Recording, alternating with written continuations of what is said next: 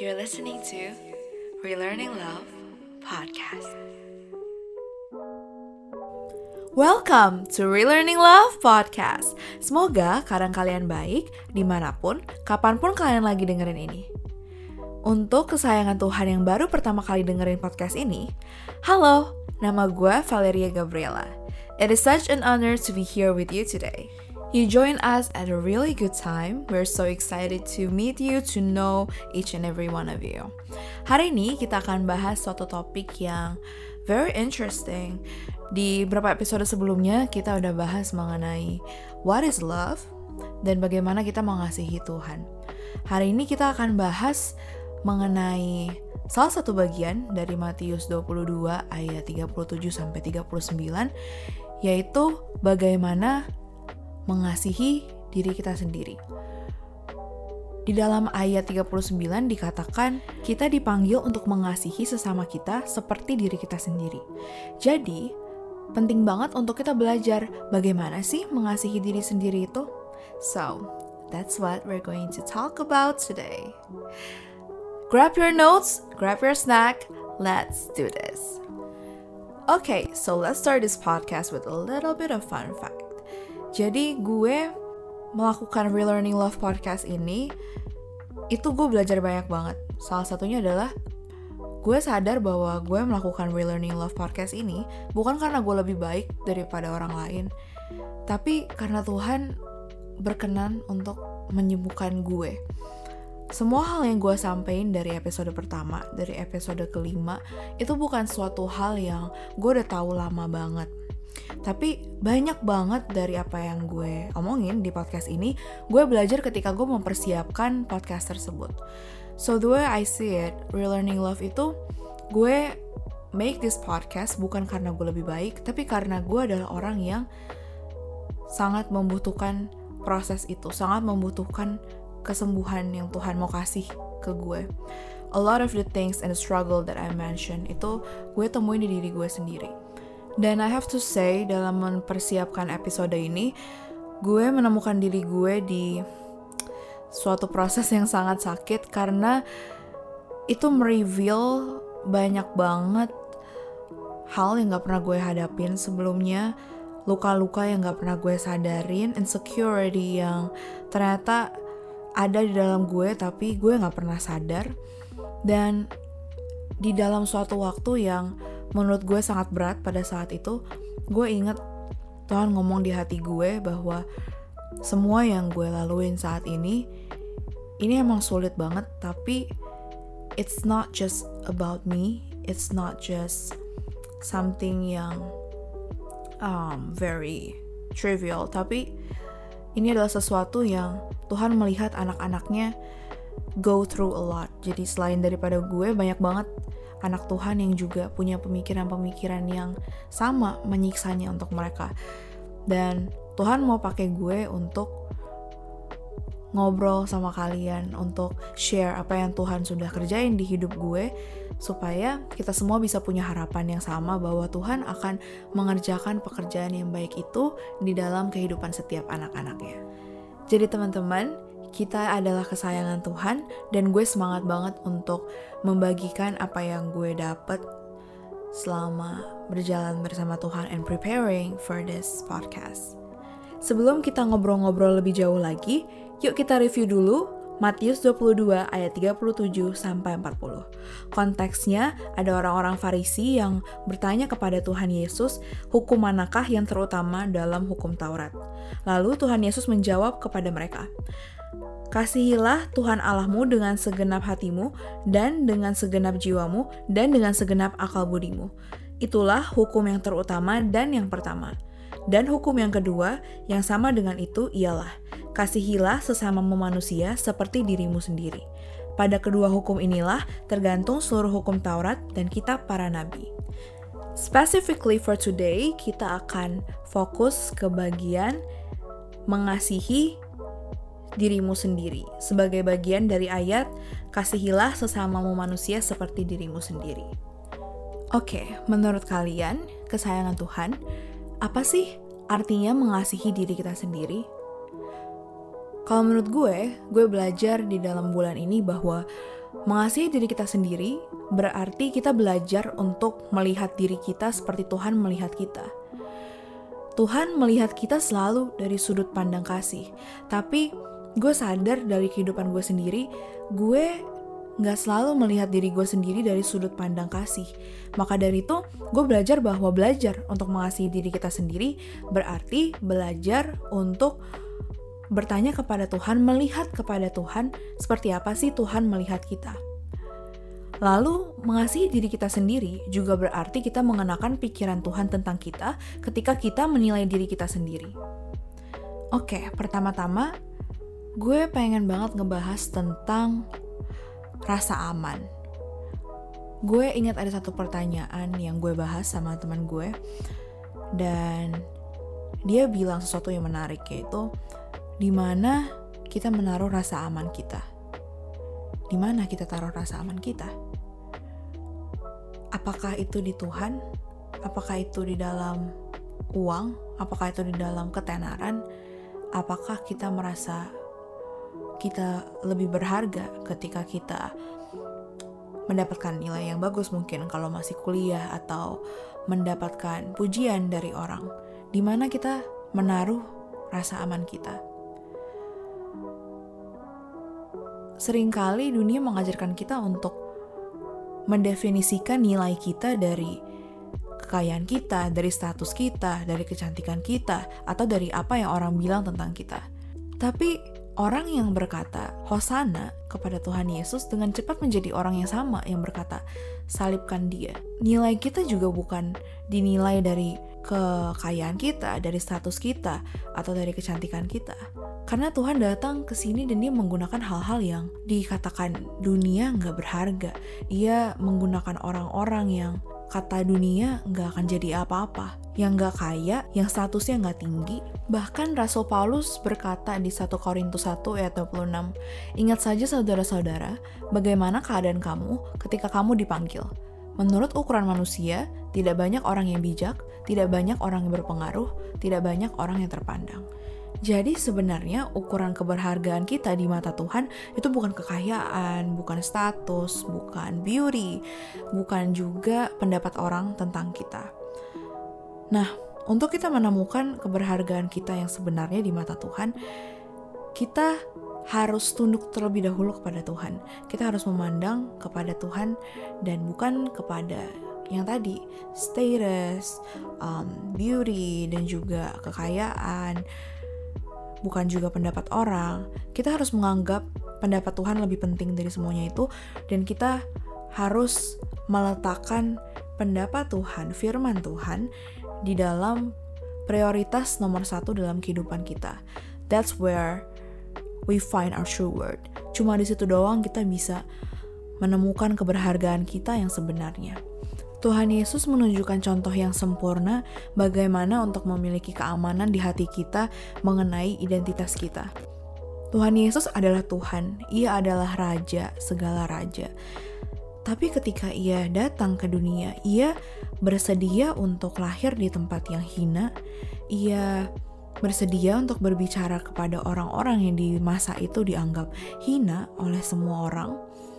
Dan ia mengajarkan kepada kita bahwa nilai kita nggak ditentukan oleh penerimaan dunia terhadap kita.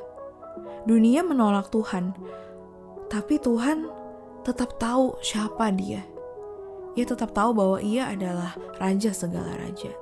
Ia adalah Tuhan. Dan melalui Tuhan Yesus Kristus, Tuhan memberikan kita suatu identitas baru, yaitu kita adalah anak-anak Allah kita punya identitas yang mungkin orang-orang dunia nggak lihat sepanjang hidup kita, tapi identitas itu nggak berubah. Tuhan telah memberikan itu kepada kita dan suatu saat kita akan kembali ke rumah kita yang sebenarnya yaitu di surga. Jadi waktu kita di dunia ini itu bukan digunakan untuk membangun identitas kita, tapi kita mencari identitas kita dari apa yang Tuhan katakan tentang kita. Kita adalah anak-anak Tuhan. Itu adalah our word. Dan mungkin di dunia ini kita nggak punya status, kita nggak punya um, kekayaan, kita mungkin nggak dikenal begitu banyak orang. Tapi ketika kita pulang ke rumah kita yang sebenarnya, yaitu di surga. Karena Bapa kita adalah Tuhan, kita dikenal oleh surga, kita adalah pewaris-pewaris, dan kita adalah anak-anak Allah. Itu adalah status yang sangat keren gitu. Kebayang gak sih? Kita jadi anak raja aja udah terpandang banget, tapi kita jadi anak raja, segala raja. God gives us status. Kita udah punya security itu. Kita bukan di dunia untuk mencari dengan apa kita bisa menambahkan nilai dari identitas kita. Jadi, step pertama dari belajar untuk mengasihi diri sendiri adalah memutuskan bahwa identitas kita hanya akan kita cari, hanya akan kita temukan di dalam Tuhan Yesus Kristus, bukan di dalam hal-hal yang dunia ajarkan. Again, mengasihi diri kita sendiri berarti kita mengenakan pikiran Kristus ketika kita menilai diri kita. Apa sih yang Tuhan lihat dari gue? Gue nggak mau mendefinisikan diri gue sendiri berdasarkan perasaan gue, tapi apa ya yang Tuhan pikirkan tentang gue? Itu yang mau gue percaya, itu yang mau gue pikirin. Tapi dalam perjalanan gue satu bulan ini ya, gue belajar bahwa ternyata selama ini ada beberapa hal yang membuat gue nggak bisa melihat diri gue sendiri berdasarkan kacamata yang Tuhan mau gue pakai gitu untuk melihat diri gue yaitu kasih. So I have a story that I want to share with you. Ini terjadi satu pagi jam setengah enam dan tiba-tiba gue tuh kebangun dan I heard a voice in my heart bilang, yuk bangun kita berdoa. So I walk to my chair, gue duduk. Terus karena gue masih agak ngantuk, gue nyender di meja gitu kan.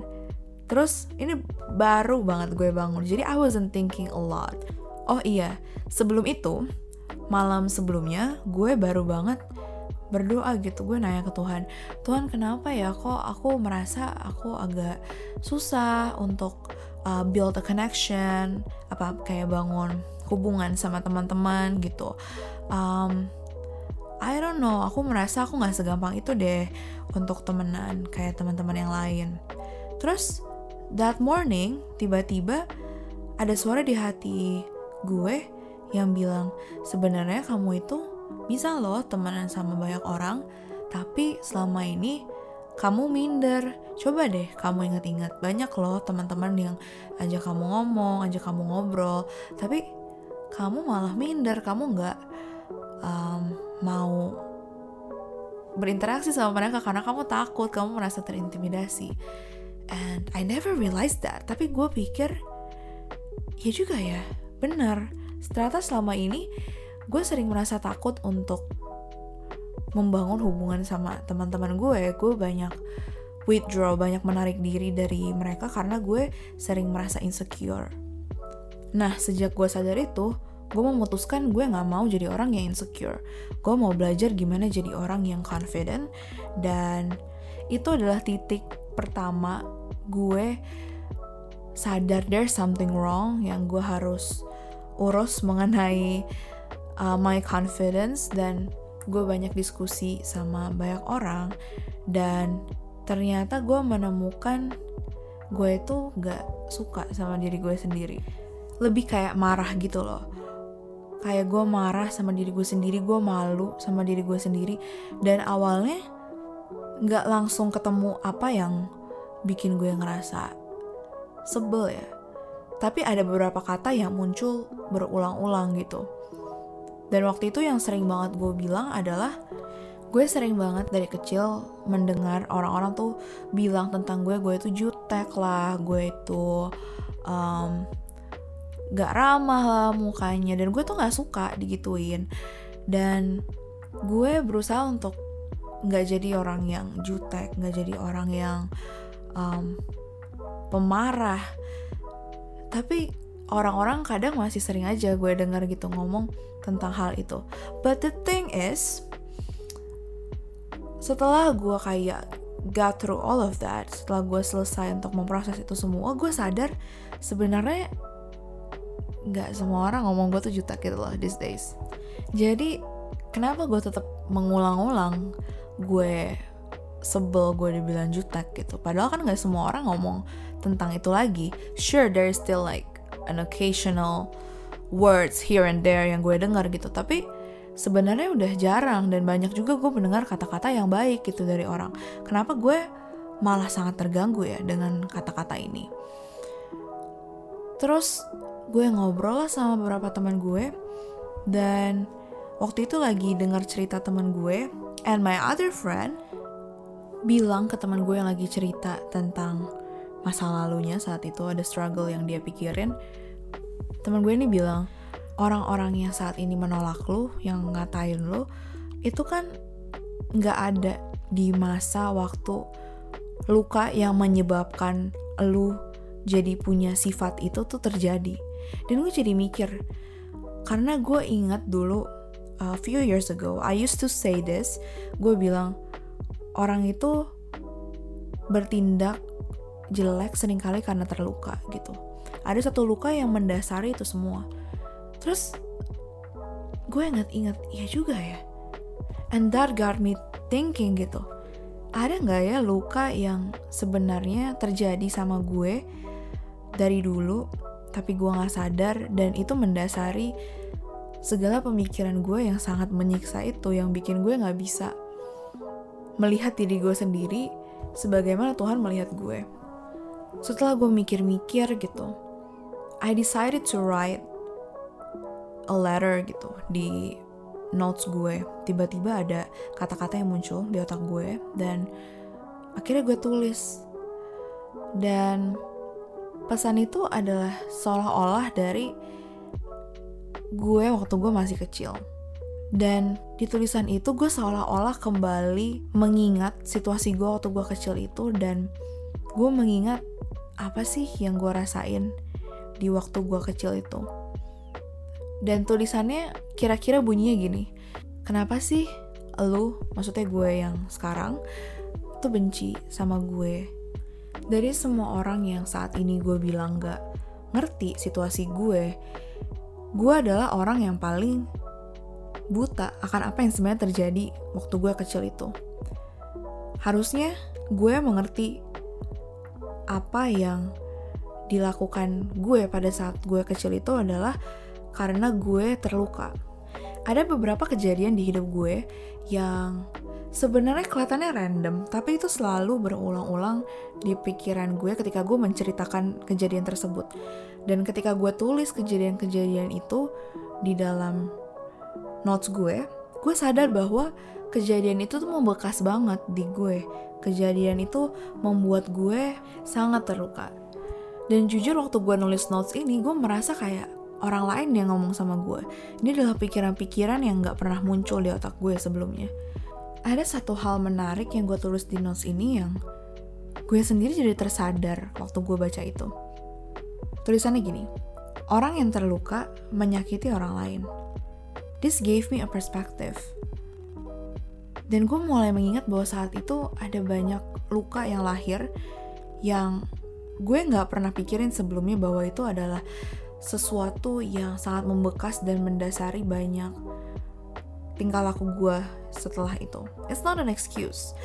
It's really not. Gue tetap salah untuk melakukan setiap hal salah yang gue lakukan pada saat itu.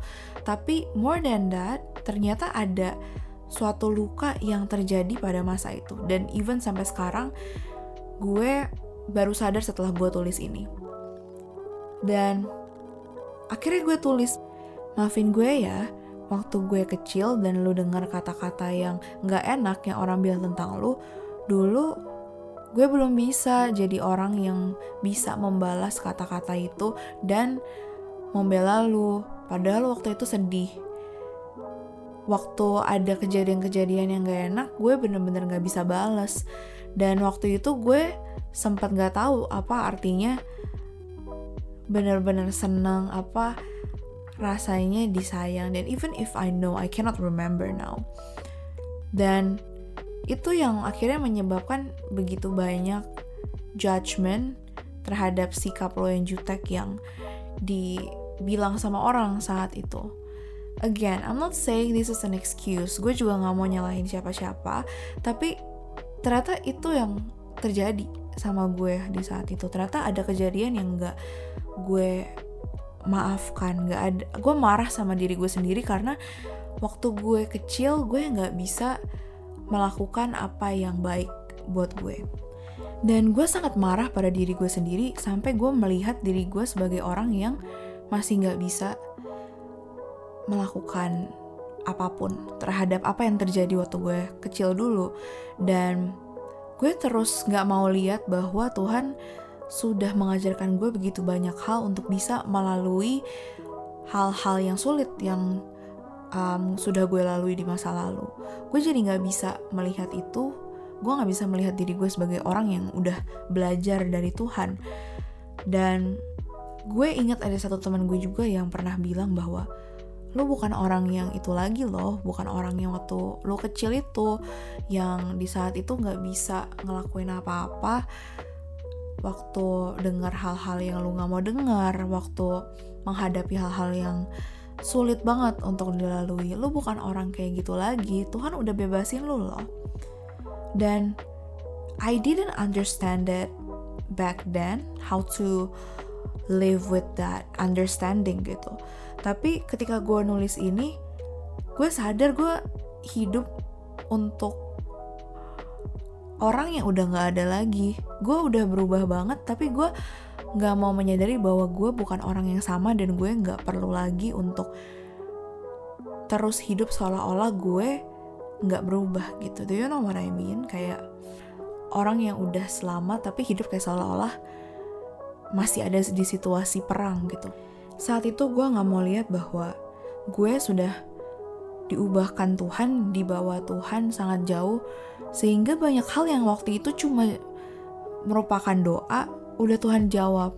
Bahkan karakter-karakter gue yang waktu itu sangat menyiksa gue, yang gue berdoa kepada Tuhan, gue gak mau jadi orang yang kayak gini lagi.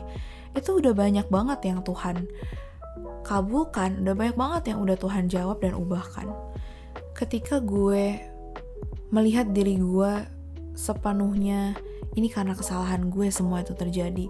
Ternyata ada banyak hal yang mendasari kejadian itu. Yang bukan cuma salah gue, tapi memang ada situasi yang membuat beberapa luka itu hadir. Gue nggak menyalahkan siapa pun at all, dan gue nggak pengen kita dengar cerita ini dan merasa it's okay untuk punya mentalitas korban. It's not. Kita udah adalah orang yang menang kita nggak perlu menyalahkan orang lain. Tapi perlu untuk bagi gue ya saat itu untuk melihat bahwa ini lebih daripada gue tuh orang yang nggak bisa jadi orang yang baik. Karena itu pikiran gue waktu itu. Gue nggak bisa jadi orang yang baik. Gue nggak bisa punya karakter yang baik. Yang gue pengenin itu yang um, gak jutek. That's that's where the frustration started gitu. Gue merasa gue nggak bisa kok jadi orang yang baik. Jadi gue melihat itu hanya sebagai purely kegagalan. Tapi gue gak mau lihat bahwa di saat itu ada luka yang sangat nyata yang really hurt me yang akhirnya bikin gue gak bisa mengasihi orang lain dengan baik gitu dan gue sadar itu bukan untuk menyalahkan orang tapi untuk belajar memaafkan dan melupakan apa sih yang terjadi dulu dan memaafkan diri gue yang waktu itu belum cukup dewasa untuk bisa melakukan apa yang bisa gue lakuin sekarang setelah gue dewasa. I still cannot do everything, tapi ada banyak hal yang gue belajar yang saat ini gue gak lihat karena gue masih sangat terpaku pada diri gue sebelum gue bertumbuh itu. Waktu itu gue sempat baca di Instagram um, sebelum ini ya, sebelum gue sadar bahwa ada sesuatu yang terjadi di masa lalu gue yang bikin gue melakukan hal-hal yang gue sama sekali gak bangga, hal yang even until now I can say itu adalah hal yang salah untuk gue lakuin. Gue baca di Instagram kata-katanya gini, ketika kita melihat sebuah masalah, jangan cuma berhenti dengan melihat hal itu sebagai masalah, tapi lihatlah segala sesuatunya, yaitu masalah, masa lalu kita, atau apa pun yang pernah melukai kita, sebagai suatu kesempatan untuk kasih karunia Tuhan dinyatakan dalam hidup kita.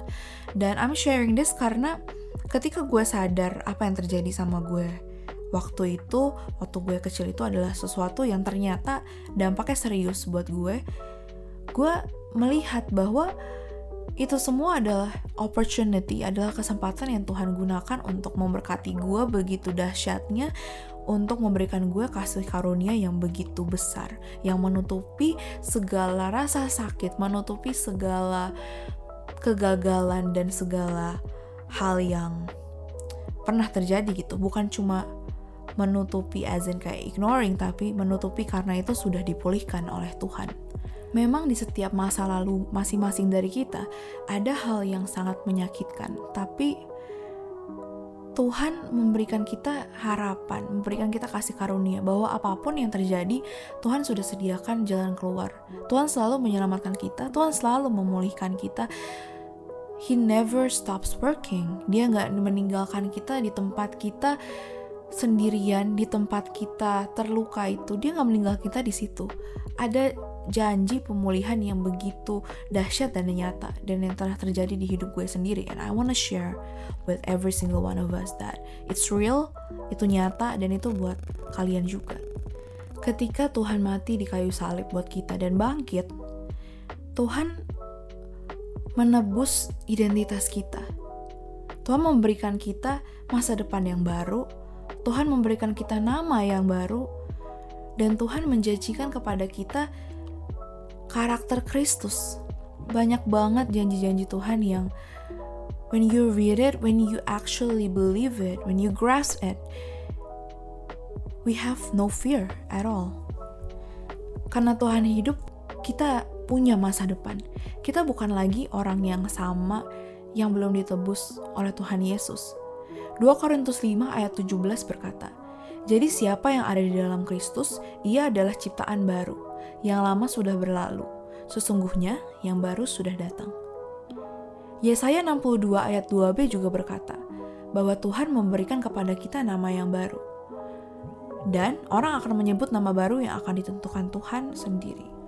Tuhan menebus karakter kita, menebus jalan-jalan hidup kita. Kita nggak lagi harus hidup dengan cara kegelapan, dengan jalan-jalan kita yang lama. Tapi Tuhan memberikan kita jalannya Tuhan.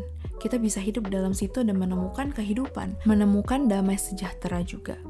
Dan kita melihat banyak banget karakter-karakter yang menjadi contoh di dalam Alkitab dari tokoh-tokoh Alkitab. Dan Tuhan memberikan cerita-cerita itu kepada kita karena Tuhan mau memberikan karakter itu dalam kita. Tuhan mau mengerjakan karakter-karakter tersebut di dalam kita. Ini adalah pekerjaan yang mau Tuhan lakukan loh di dalam kita.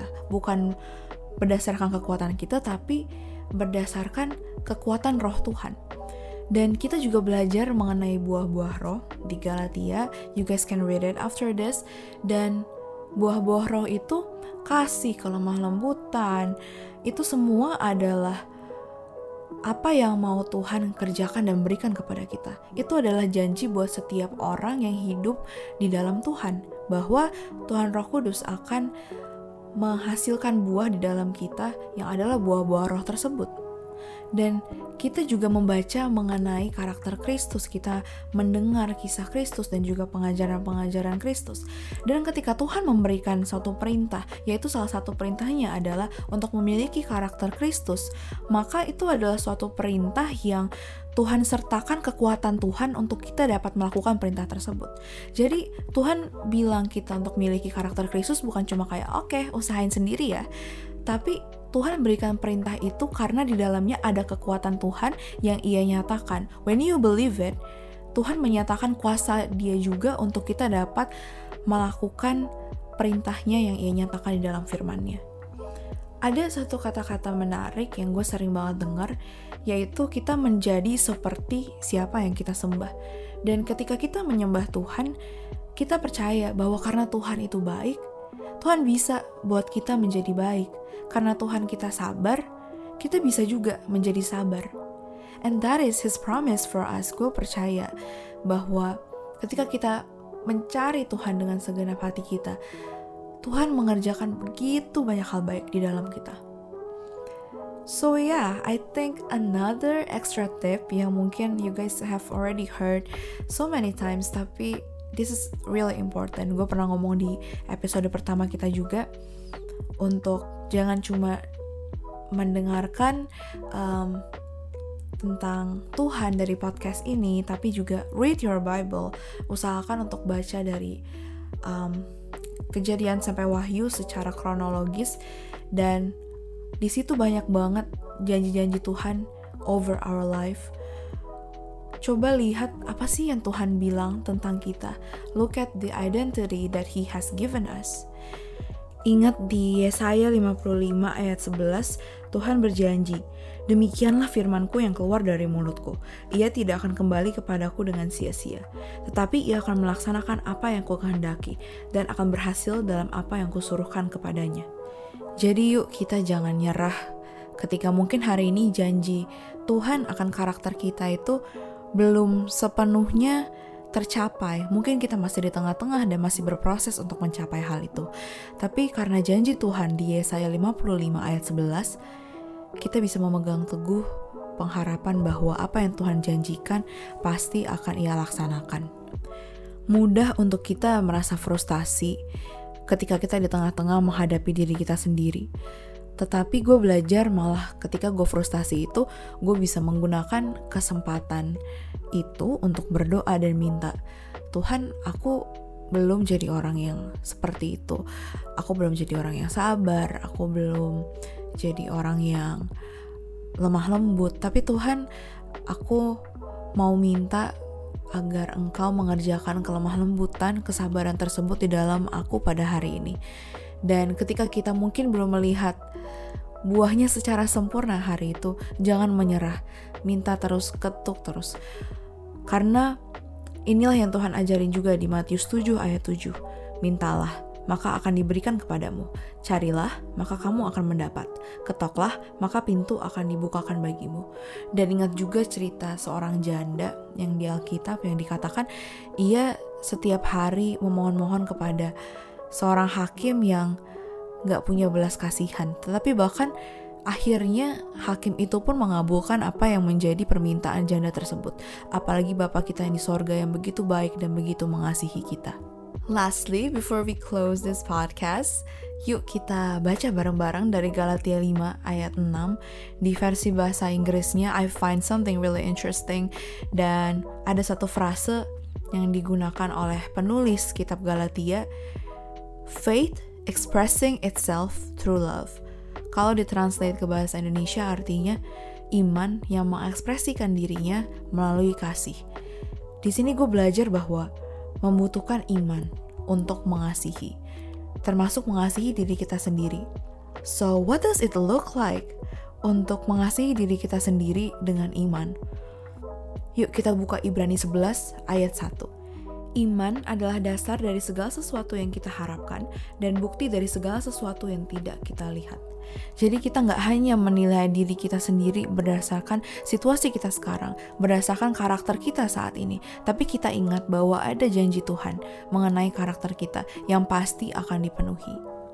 With that being said, Ayo kita belajar untuk mengasihi diri kita sendiri sebagaimana diajarkan di 1 Korintus 13 ayat 4 sampai 8. Kasih itu sabar, kasih itu murah hati, ia tidak cemburu, ia tidak memegahkan diri dan tidak sombong. Ia tidak melakukan yang tidak sopan dan tidak mencari keuntungan diri sendiri. Ia tidak pemarah dan tidak menyimpan kesalahan orang lain. Ia tidak bersuka cita karena ketidakadilan, tetapi ia bersuka cita karena kebenaran. Ia menutupi segala sesuatu, percaya percaya segala sesuatu, mengharapkan segala sesuatu, sabar menanggung segala sesuatu. Kasih tidak berkesudahan. Yuk kita belajar untuk mengasihi diri kita sendiri dengan kasih tanpa syarat. Bukan karena kebaikan kita, bukan karena keberhasilan kita, tetapi karena Tuhan begitu mengasihi kita. Kita mengasihi diri kita sendiri dengan kasih Tuhan, kasih yang tanpa syarat. Yuk kita berdoa. Bapa dalam surga, terima kasih untuk anak-anakmu yang begitu dahsyat di tempat ini. Aku berdoa ya Tuhan, agar kasih-Mu melimpah di dalam hati setiap kami, dan Engkau mengajarkan kami untuk mengenakan pikiran Kristus ketika kita melihat diri kita sendiri. Kami percaya kami punya pengharapan dalam Engkau, kami punya tujuan di dalam Engkau. Terima kasih Tuhan atas kebebasan yang hari ini Engkau nyatakan bagi anak-anakmu. Dalam nama Tuhan Yesus Kristus, aku berdoa dan mengucap syukur. Amin. Okay, let's wrap this podcast up. Jangan lupa untuk head over to our Instagram page at relearninglove.id. Bisa komen, bisa juga DM ke kita dan share cerita kalian karena kita percaya bahwa testimoni anak-anak Tuhan sangat powerful dan akan membangkitkan anak-anak Tuhan lainnya agar kita dapat berdiri bersama-sama menyatakan Injil Tuhan. Okay, so as usual, thank you for tuning in. I'm Valeria Gabriela, and that is Relearning Love.